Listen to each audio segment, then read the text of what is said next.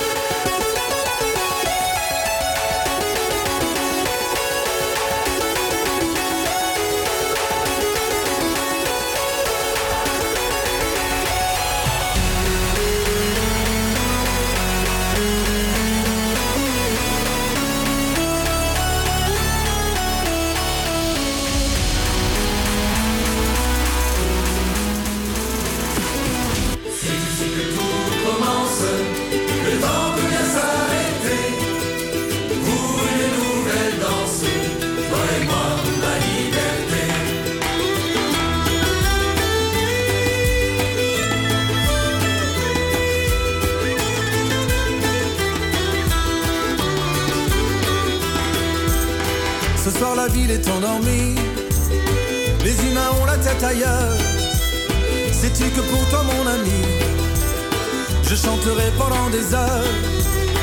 J'ouvrirai grand les fenêtres pour contempler les joies du ciel. Et je te verrai apparaître comme un éclair, une étincelle. C'est ici que tout commence. Le temps peut bien s'arrêter.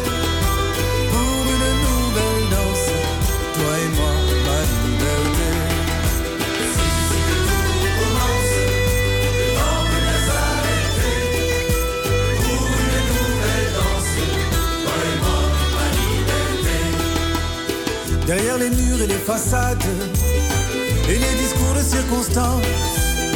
Quelques imprudences évadent, s'affranchissant des convenances. Et les voilà qui nous rejoignent, comme dans un grand bal populaire.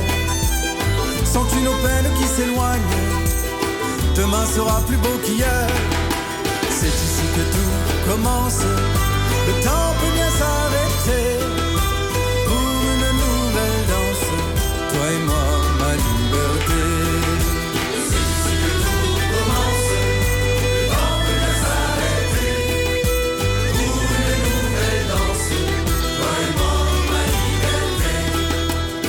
Amis, les arbres sont en fleurs, et nous revoilà désormais, comme des frères, comme des sœurs, et les soldats sont désarmés.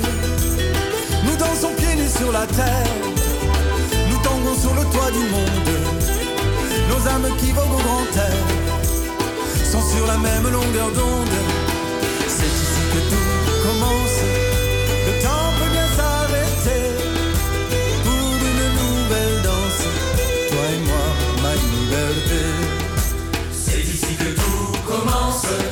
Le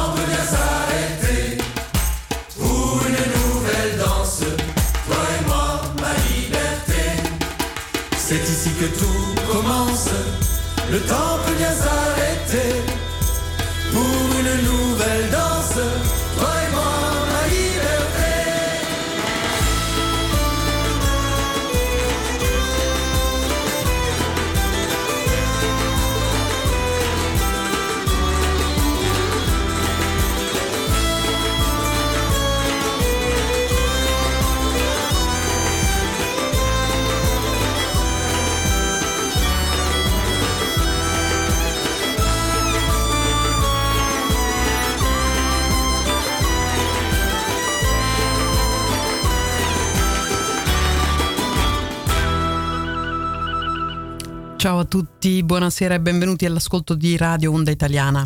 Questa è Libera la Radio da Amsterdam, questa sera in studio Silvia Terribili. E abbiamo iniziato con una canzone di eh, Kadura Dadi ehm, che si intitolava Toi et moi, ma liberté, è una canzone praticamente la colonna sonora della, eh, della protesta, della resistenza del popolo eh, francesi a misure eh, liberticide in nome della, eh, della, difesa dalla pandemia e praticamente eh, il governo sta attuando delle misure di repressione e di controllo mh, fortissime. Eh, lo stesso, lo, stesso, spettacolo si, eh, si, è riprodotto anche in Italia dove il governo vuole introdurre un Green Pass ma c'è un'opposizione grandissima da parte della popolazione e non soltanto da parte dei eh, cosiddetti Novax, eh, ma da parte della, della cittadinanza intera. Eh, più tardi ne parleremo eh, con un esperto Patrizia Gentilini, medico oncologo, eh, membro dell'ISDE, che è l'Associazione Italiana dei Medici per l'Ambiente, che da anni è attiva a livello nazionale e internazionale eh, per eh, coniugare la difesa dell'ambiente, la difesa della salute e eh, la prevenzione delle malattie piuttosto che la, eh, la cura a posteriori. Eh, più tardi ne parliamo con Patrizia Gentilini, ma ehm, tra tante notizie in genere brutte, una bella, eh, il sole fa bene. Eh, chi è che lo dice? Ma mh, mm, tra l'altro il, Mario Clerici, eh, membro, il professor Mario Clerici, direttore scientifico dell'IRCCS Don Gnocchi di Milano e docente di immunologia. Allora apriamo con questa eh, notizia positiva e incoraggiante. Buongiorno, lo studio che abbiamo fatto in collaborazione con INAF, Istituto Nazionale di Astrofisica, è andato a misurare l'effetto dei raggi solari UVA e UVB sul virus SARS-CoV-2, il virus del Covid.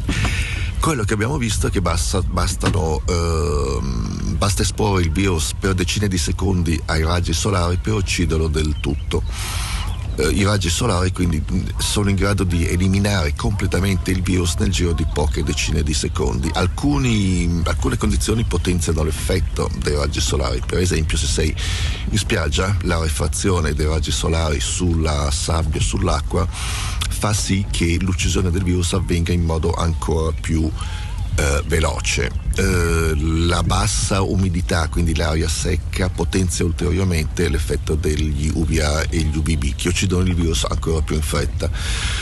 Quindi secondo noi questo è in grado di giustificare il fatto che eh, in estate vi sia una diminuzione così netta dei, della diffusione del virus. Tutto ciò insieme ai vaccini, insieme alle norme ovviamente di cautela che non devono mai essere dismesse, eh, è secondo noi foriero di buone nuove.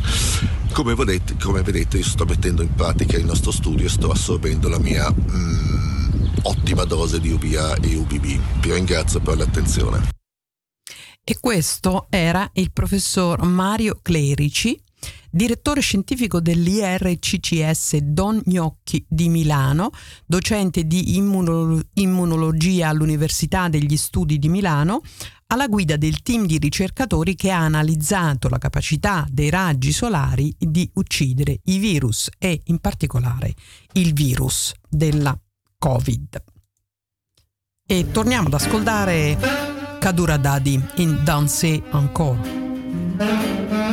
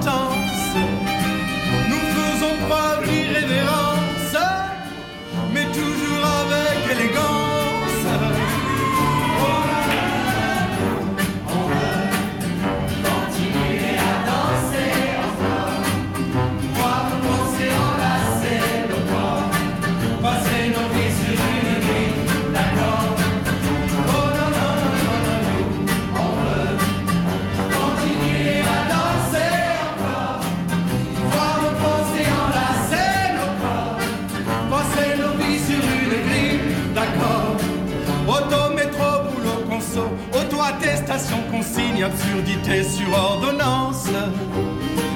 Et malheur à celui qui pense, et malheur à celui qui danse.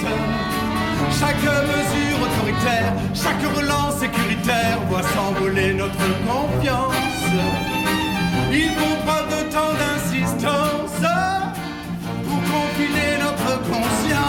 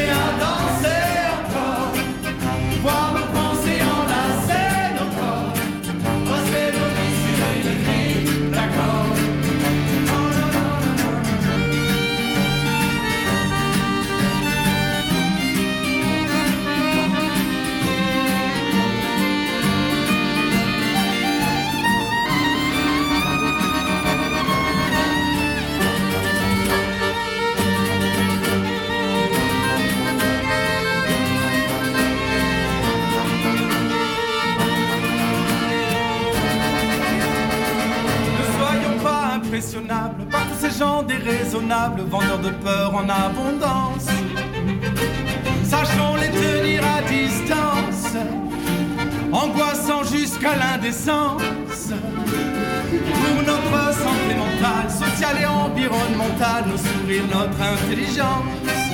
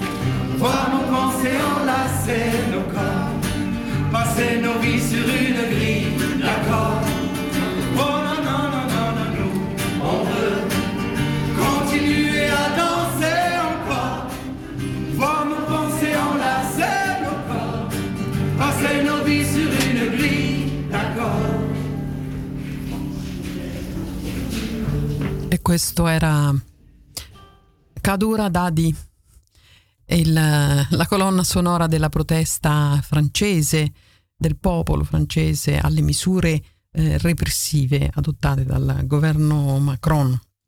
Continu- eh, Danse encore e anche eh, a questo suono eh, la gente danza nelle strade, danza nelle strade per difendere la propria libertà eh, di scelta contro l'ingerenza eh, di un governo che vuole costringere eh, la popolazione a, che vuole obbligarla a, ad accettare delle misure eh, sanitarie, un provvedimento sanitario non scelto, non eh, liberamente scelto, non eh, accettato da una gran parte della popolazione. E dalla protesta francese passiamo alla protesta invece americana e passiamo a due grandi del, del pop, della storia della musica eh, pop che sono Eric Clapton e eh, Van Morrison. Ascoltiamo questa canzone di protesta Stand and Deliver. Anche qui eh, non c'è possibilità di equivocare sui temi e sul messaggio. Stand and Deliver.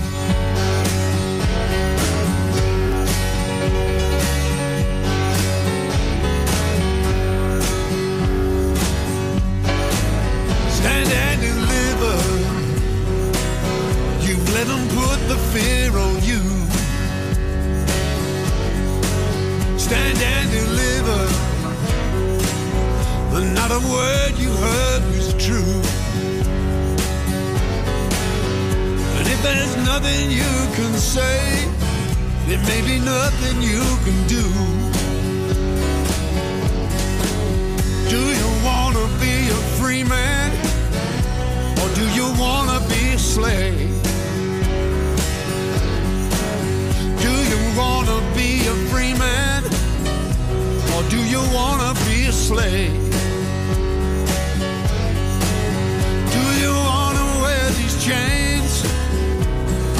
you're lying in the grave?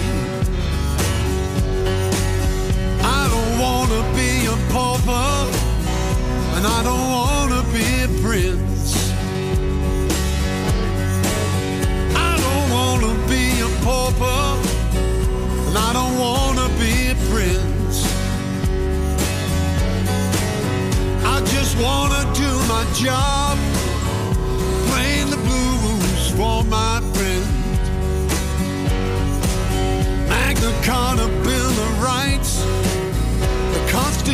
Constitution, what's it worth? You know they're gonna grind us down uh, until it really hurts. Is this a sovereign nation or just a police state?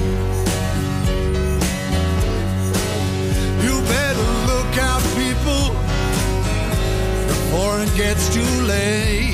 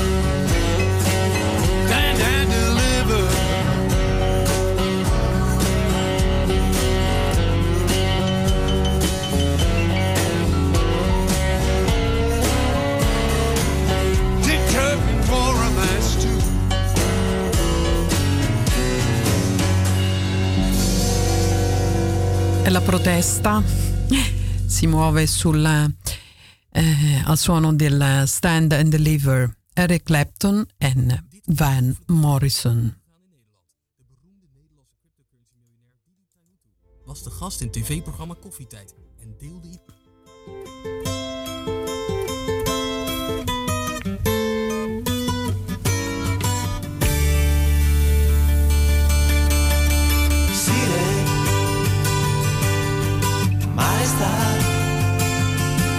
vivere in ti come sempre siamo tutti qua. Sire, siamo noi, il poeta, l'assassino, sua santità.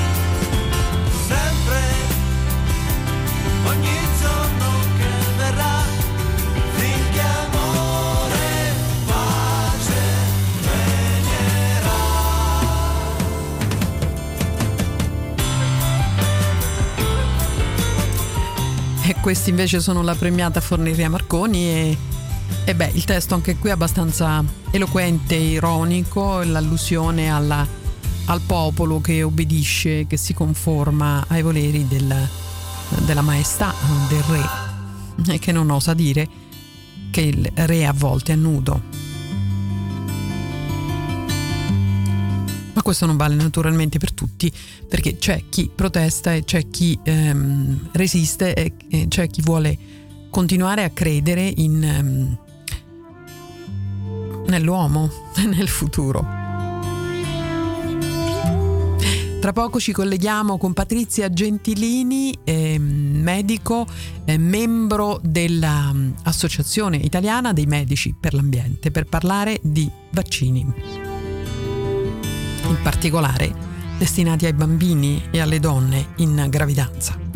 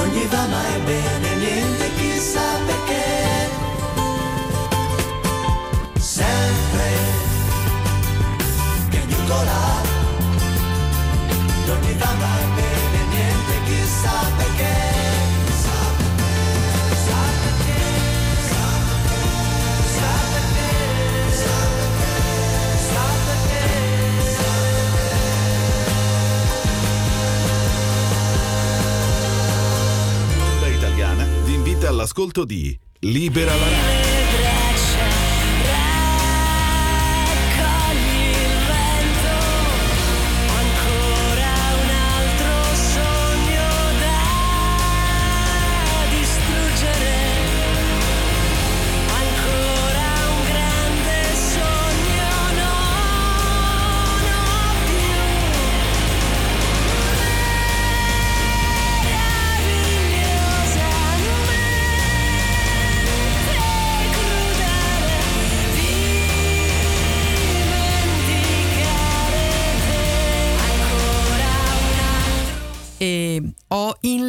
Patrizia Gentilini. Patrizia, ci sei?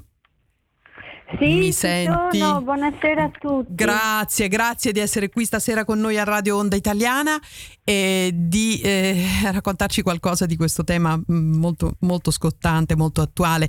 Una primissima domanda eh, riguardo al, al discorso del Green Pass, come si sta vivendo in Italia questa, eh, questo, mm, questo obbligo che il governo vuole introdurre? Ma eh, si sta vivendo molto male. Testimonianza è che già domenica scorsa, nello scorso weekend, insomma, eh, ci sono state manifestazioni spontanee in tutta Italia con grandissima partecipazione sia nelle grandi città che nelle città più piccole e si sono uniti diciamo sia le, mh, ristoratori, piccole attività perché insomma per esempio col Green Pass si può prendere il caffè in piedi ma non ci si può sedere per dire, eh, si può mangiare al ristorante però solo all'aperto ma non al chiuso, Siamo- per prendere un treno ci vorrà questo Green Pass, cioè è una situazione assolutamente insomma, paradossale. E le proteste di questi diciamo anche piccole attività commerciali poi si uniscono con le, quelle che sono le proteste degli operatori sanitari, dei medici, di tutti coloro che anche alla luce di quello, diciamo, di, di quello che si sta verificando sono sempre più convinti del fatto che una vaccinazione di- indiscriminata, ecco, in- come si sta proponendo, non aiuta assolutamente a risolvere il problema. Io voglio subito chiarire che sono un medico sono specialista in oncologia, ematologia, assolutamente non, non- non voglio essere etichettata eh, come purtroppo qua in Italia viene fatto appena uno solleva una critica o un dubbio o vuole aprire un dibattito scientifico viene etichettato come Novax, terrapiattista, cioè si rifiuta qualunque di- negazionista, qualunque dialogo, insomma, basato su, eh, su basi scientifiche. Quindi io chiaramente assolutamente rifiuto ecco, queste etichette e sono molto dispiaciuta di questo clima. Eh, siamo, perché poi parla al plurale, perché ormai siamo tanti medici in Italia, tanti operatori sanitari, eh, diciamo che stanno approfondendo proprio tutta questa narrazione e tutto quello che ci viene eh, raccontato. Noi non siamo assolutamente contrari al vaccino, per esempio per le persone anziane che lo scelgono, perché certamente si riduce quella che è la, la, diciamo, la gravità. Ecco, il vaccino protegge chi lo fa, non c'è nessuna eh, diciamo, motivazione altruistica perché uno è eh, parimenti contagioso. Quindi ecco, sgombriamo il campo da tutte queste false narrazioni che vengono fatte. E, e quindi insomma eh, ci sono tanti medici, tanti sanitari che anche che si rifiutano di, eh, diciamo, di sottoporsi a questo obbligo eh, per cui siamo d'accordo sul fatto che si debbano mantenere le distanze, insomma delle misure di protezione individuale, però le cose devono essere fatte col buon senso, senza queste imposizioni che non stanno portando da nessuna parte. Ecco, fra l'altro appunto un altro argomento assolutamente, un'altra nota dolente è quella che riguarda le vaccinazioni anche in donne gravide, nei ragazzini, negli adolescenti. Quindi si sta creando fortunatamente come dire, un fronte di persone consapevoli, eh, quindi assolutamente consapevoli che desiderano avere quelle informazioni non viziate da conflitti di interesse, perché noi medici che portiamo avanti anche questo tipo di ragionamento siamo medici assolutamente come dire candidi nel senso che non abbiamo a noi interessa difendere la salute pubblica nel modo migliore. Non abbiamo assolutamente niente da nascondere e tantomeno conflitti, eh, conflitti di interesse o altro, ecco, per cui insomma questa è la nostra posizione, che poi è anche condivisa a livello internazionale, pensiamo ai pediatri israeliani, ai medici inglesi, eh, recentemente anche Peter Doshi, proprio per esempio sulla vaccinazione nei giovani, nei bambini, ha ribadito che non ci sono mm, ragioni né etiche né scientifiche, ecco, poi possiamo sviluppare se la cosa interessa. Io eh, diciamo come mh, proprio eh, diciamo, eh, la mia grande angoscia, ecco, non nascondo la mia grandissima preoccupazione, è proprio questa vaccinazione indiscriminata che si vuole fare anche nei ragazzini nei, e non ha, non ha, veramente alcun fondamento scientifico, ecco, perché i, bambini non sono serbatoio del virus, quindi non è che eh, dobbiamo vaccinare loro per proteggere gli anziani, quindi questo se anche fosse vero non sarebbe etico chiaramente.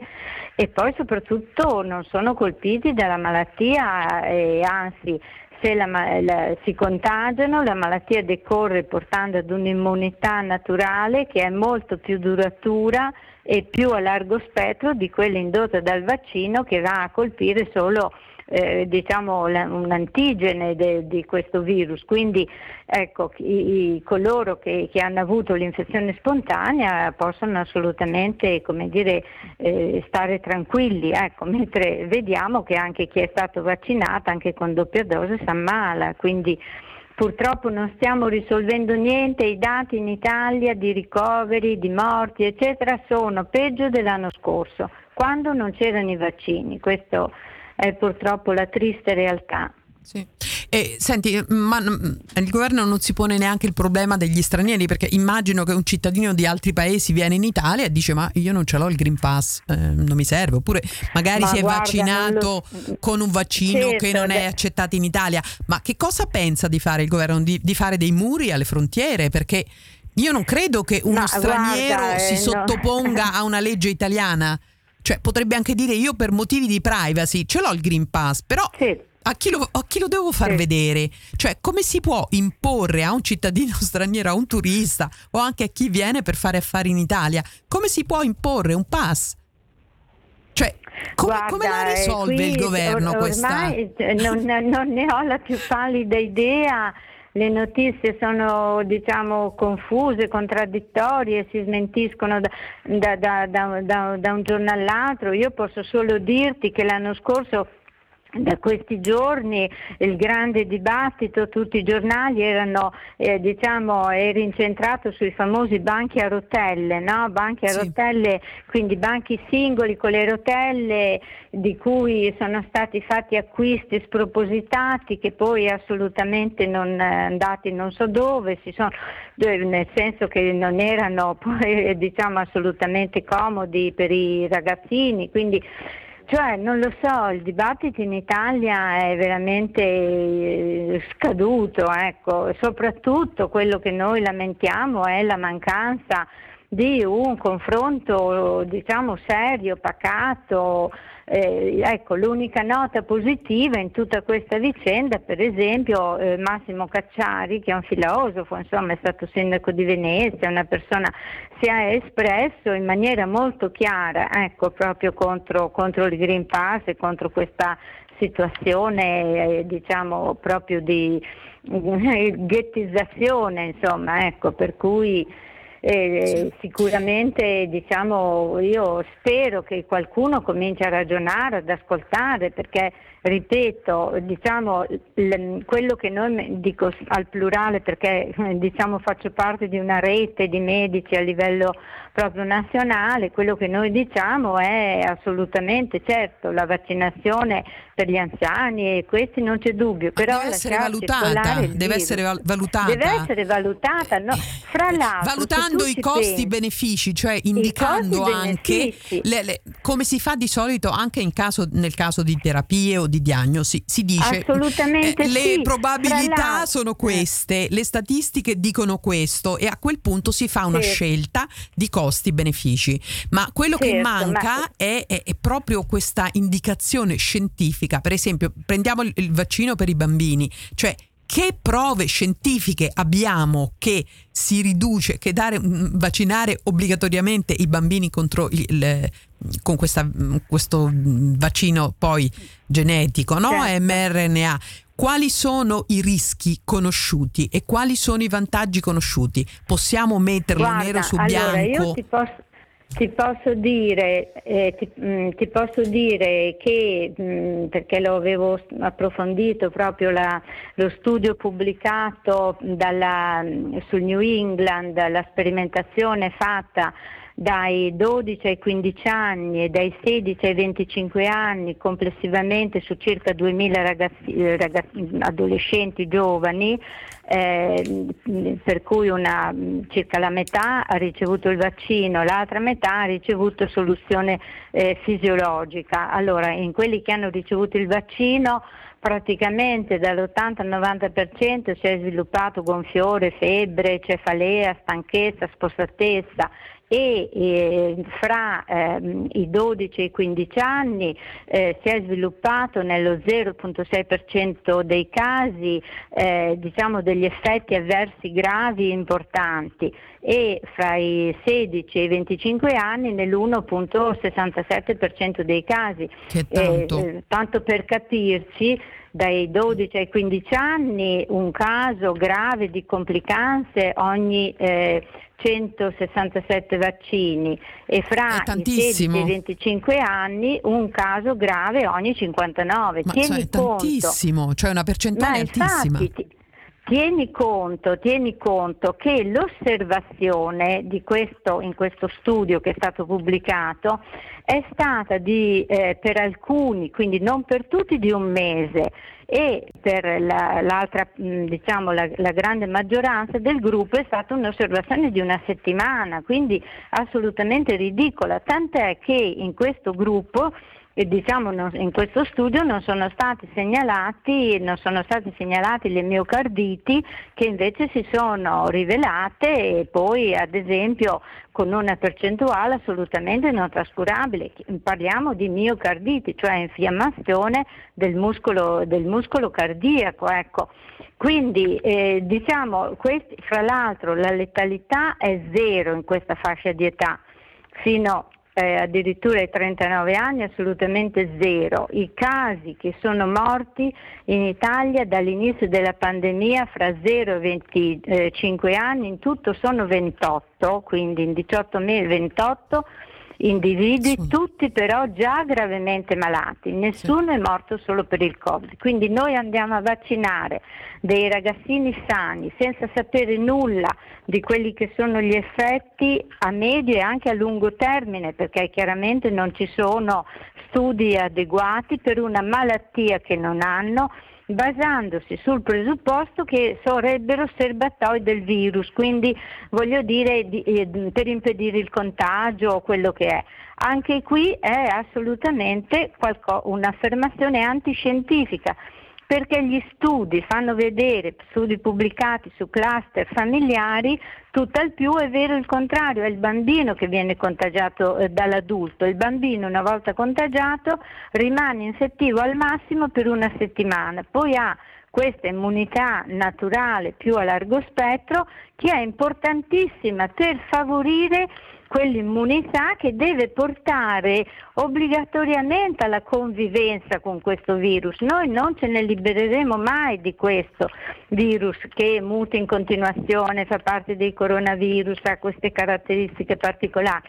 Quindi dobbiamo cercare quella forma di adattamento perché il virus stesso diciamo, ha tutto l'interesse a non uccidere il proprio ospite. La vita si è creata così, come adattamento reciproco fra le diverse specie. Se noi creiamo un ambiente sempre più ostile, è chiaro che spingiamo verso delle forme, delle varianti che sono più aggressive, lo, eh, diciamo lo stesso fenomeno della resistenza ai pesticidi o dell'antibiotico resistenza, insomma, cioè dobbiamo favorire, cercare di eh, seguire un po' quelle che sono le, le, le regole che la natura ha adottato, insomma noi stiamo procedendo veramente così come appunto nel film di, di fantasia, ecco mi sembra veramente che qui siamo un po' come gli apprendisti stregoni, ecco, andiamo a manipolare senza sapere bene poi dove andiamo a parare. E questa cosa io, ecco, sono anziana, sono una nonna, anche se non fosse una nonna, penso ai giovani, ai bambini, ma cosa hanno fatto di male per meritare tutto Sono il nostro questo? Ecco, futuro, io- cioè no, ma scherziamo, dovremmo cioè una società tutelarli che non dis- Fra l'altro, modi. se posso diciamo, da- mm, come dire, anche invitare a una riflessione ecco, che, eh, mm, che- che- alla quale insomma, chiaramente io mi dedico perché da tanti anni mi occupo dei rischi ambientali, la relazione con malattie anche gravi quali tumori eccetera. L'Italia purtroppo ha anche un record molto negativo di incidenza di cancro nell'età infantile, nei giovani e negli adolescenti. Per darti un numero, ogni anno in Italia fra 0 e 19 anni eh, contiamo 2400 nuove diagnosi di cancro, Questo- cioè in media ogni mese ci sono 200 giovani da 0 a 19 anni che ricevono una diagnosi di cancro e ogni anno ci sono 356 decessi, quindi praticamente uno al giorno. Ecco, questi numeri che sono ben più impressionanti di quelli che ti ho detto, perché in 18 mesi col Covid sono morti 28 ragazzi, tutti già gravemente malati, proprio purtroppo leucemie, linfomi, cose del genere. che sono comunque in Ecco, allora aumento dico- grazie all'inquinamento, all'inquinamento di Assolutamente, sì, sì, eh, siamo sì, c'è un aumento purtroppo in tutti i paesi occidentali, ma particolarmente in Italia. Chi poi vive nei cosiddetti siti, nei SIN, nelle aree da bonificare perché molto inquinate è ancora maggiormente soggetta a queste patologie. Ecco, a tutti questi problemi che hanno numeri ben più consistenti, qual è l'attenzione che viene dedicata? Mai si parla di prevenzione primaria, di ridurre l'inquinamento, di dare consigli anche in gravidanza sull'alimentazione delle mamme, sul fatto di non usare sostanze tossiche anche per la casa, se si hanno per esempio non so, invasioni di insetti, di formiche, stare attenta anche, ecco, consigli anche banali che però potrebbero essere utili, nessuno ne parla. Pensiamo a fare queste vaccinazioni eh, in, in questa maniera indiscriminata. Fra l'altro, guarda, quello che è anche secondo me grida vendetta, tu avrai ascoltato, senti diciamo anche nel campo delle terapie oncologiche, sempre più si parla di terapie personalizzate, addirittura si parla di nutrizione personalizzata, cioè ognuno in base al proprio profilo, a quelle che sono le proprie caratteristiche genetiche, dovrebbe come dire, essere trattato con farmaci su misura. Eh, qui, quando parliamo di vaccini, via No. tutti, senza neanche accertare se uno per esempio ha avuto la malattia in maniera sintomatica e ha già gli anticorpi, per cui a quel punto diventa proprio, come dire, particolarmente rischioso fare un'altra carica col, col vaccino e quindi si può avere una reazione all'interno dell'organismo e sviluppare, ci sono stati casi conclamati anche di eventi fatali. Ecco, il vaccino uguale per tutti, qualunque situazione, qualunque... Cioè, eh, veramente, io vorrei che la gente ragionasse, però invece purtroppo non ragiona, si stilla un clima, hai capito, anche veramente di, di- di caccia all'untore, insomma, la- i vaccinati si sentono, ma insomma, non si rendono conto che possono ammalarsi, soprattutto possono contagiare e non c'è nessun spirito altruistico, ma uno difende se stesso benissimo, però ecco, si continua a alimentare un clima di odio che è veramente che è così pesante, pesante, pesante. Si trattano eh, le masse come fossimo a un allevamento intensivo, no? cioè negli allevamenti intensivi che sono tra l'altro un'altra delle gravi piaghe che veramente bisognerebbe Certo. affrontare e gli animali vengono vaccinati tutti, danno a tutti gli antibiotici preventivamente perché tanto sanno che non avranno lo spazio vitale, che vivranno in condizioni disagiate, nello sporco, nella... e quindi comunque li vaccinano in massa preventivamente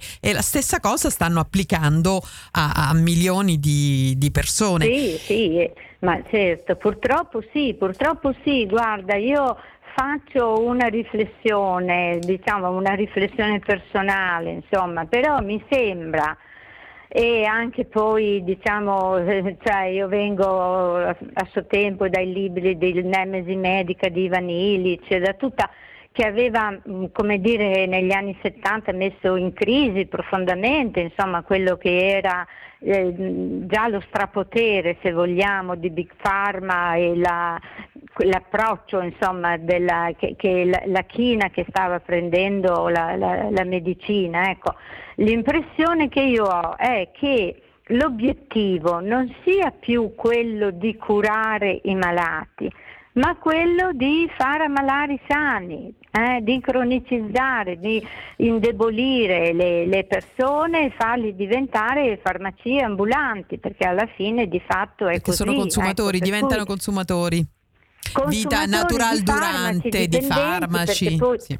Di farmaci, di, hai capito? Di vaccini, Quindi invece di- di, dare consigli terapie. sulla, sulla- appunto, su come mantenersi in salute, perché tante cose uno si potrebbero fare Sì. per mantenere la propria salute, fare movimento, mangiare in modo adeguato, ridurre il consumo di proteine animali, cioè tutta una serie di cose che sappiamo bene, ormai hanno dimostrato la loro utilità, questo non viene assolutamente, eh, diciamo, come dire, non si propone in alcun modo, nel lockdown eh, tabaccai aperti e la gente poteva continuare a fumare quanto gli pareva, cioè nessuno che metta un po' anche questi problemi all'attenzione, insomma, e qui purtroppo anche la classe medica non è certo particolarmente come dire, propensa insomma, a fare ragionare. Ecco, siamo una minoranza, però io vedo che c'è molto più buonsenso nelle persone comuni. Ecco, questo,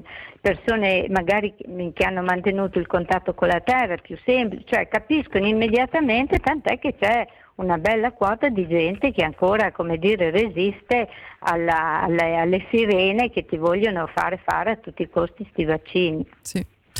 Mi sembra chiarissimo il discorso che hai fatto e mm, molto molto interessante. Vorrei continuare a parlare, ma magari ci saranno ulteriori occasioni in altre trasmissioni e sicuramente io sicuramente, metterò sicuramente. il link del, del vostro sito e segui- e seguiremo le vostre attività e con- direi continuiamo a resistere Sì, e a fare sì, informazione. sì, certo. E a fare informazione Perfetto. scientifica basata Esatto, sulle esatto, prove Perché per esempio, sì, certo, perché per esempio, scusa, eh, poi lo- il link lo, dovresti già averlo, comunque l'appello per la moratoria nei bambini, nelle gravide, eccetera, è corredato da bibliografia, quindi tutti possono rendersi conto delle ragioni che ci spingono a queste posizioni, ecco. Di cui siamo ogni giorno più convinti e quindi ogni giorno e un ricordo oggi vorrei fare al dottor De Donno che saprete aveva, Tristissima come notizia, dire, tristissima esatto, notizia, una sì. terribile Sì, notizia e io lo voglio ricordare veramente come una persona che è un dramma personale, non possiamo questo, però sicuramente è stato inascoltato e le cure efficaci non, evidentemente non, più, più- non devono trovare spazio. Ecco, quindi tecnologia con gli anticorpi monoclonali, ma la donazione del plasma iperimmune gratuita dalla, dalla persona che è guarita da Covid, che dona il proprio plasma con un cocktail di anticorpi estremamente utili per chi ancora diciamo, è nella fase accusa della malattia, quello guarda caso eh, diciamo, eh, ostacoli insormontabili. Ecco, anche questo deve far riflettere, quindi veramente un pensiero alla famiglia e alla figura di questo grandissimo medico che è stato apprezzato molto all'estero ma ben poco in Italia. Un eroe. Un eroe. Sì, esatto, Sì, esatto. Ti ringrazio Patrizia, ti auguro buon lavoro, ci risentiamo presto Grazie, e continuiamo a a, fare informazione serata. e a dare speranza e, e- e voglia di, di-. Sì, di capire, Di di, capire, di ecco. capire. Noi vogliamo instillare nelle persone la curiosità e la voglia di capire, di informarsi e di chiedersi sempre, diciamo anche quando ricevono un'informazione, se chi le dà ha conflitti di interesse oppure no. Anche questo è importantissimo, Perché vedere chi parla, chi scrive, perché se i Esatto, produttori di esatto. vaccini ci dicono che i vaccini sono buoni, eh, ho capito, però hanno un conflitto di interesse miliardario, quindi chiediamo una Esatto. ricerca scientifica indipendente. Grazie ancora Esatto. e a Grazie, presto. buona serata a tutti, Grazie. arrivederci. Ciao, ciao, ciao, ciao. ciao.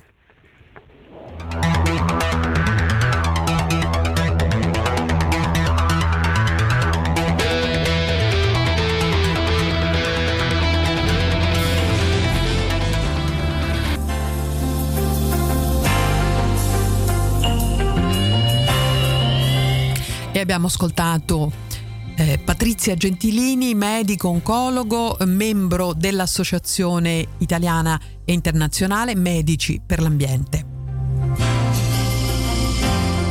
Radio Onda Italiana, libera la radio di questa sera si chiude qui sulle note di Mina È troppo. E come al solito abbiamo parlato di temi impegnativi e importanti, ma le parole di Patrizia mh, secondo me eh, vanno ascoltate e, e meditate seriamente, anche perché chi parla parla dall'alto della propria esperienza medica, in ospedale, di studio, eh, di ricerca e di eh, impegno civile.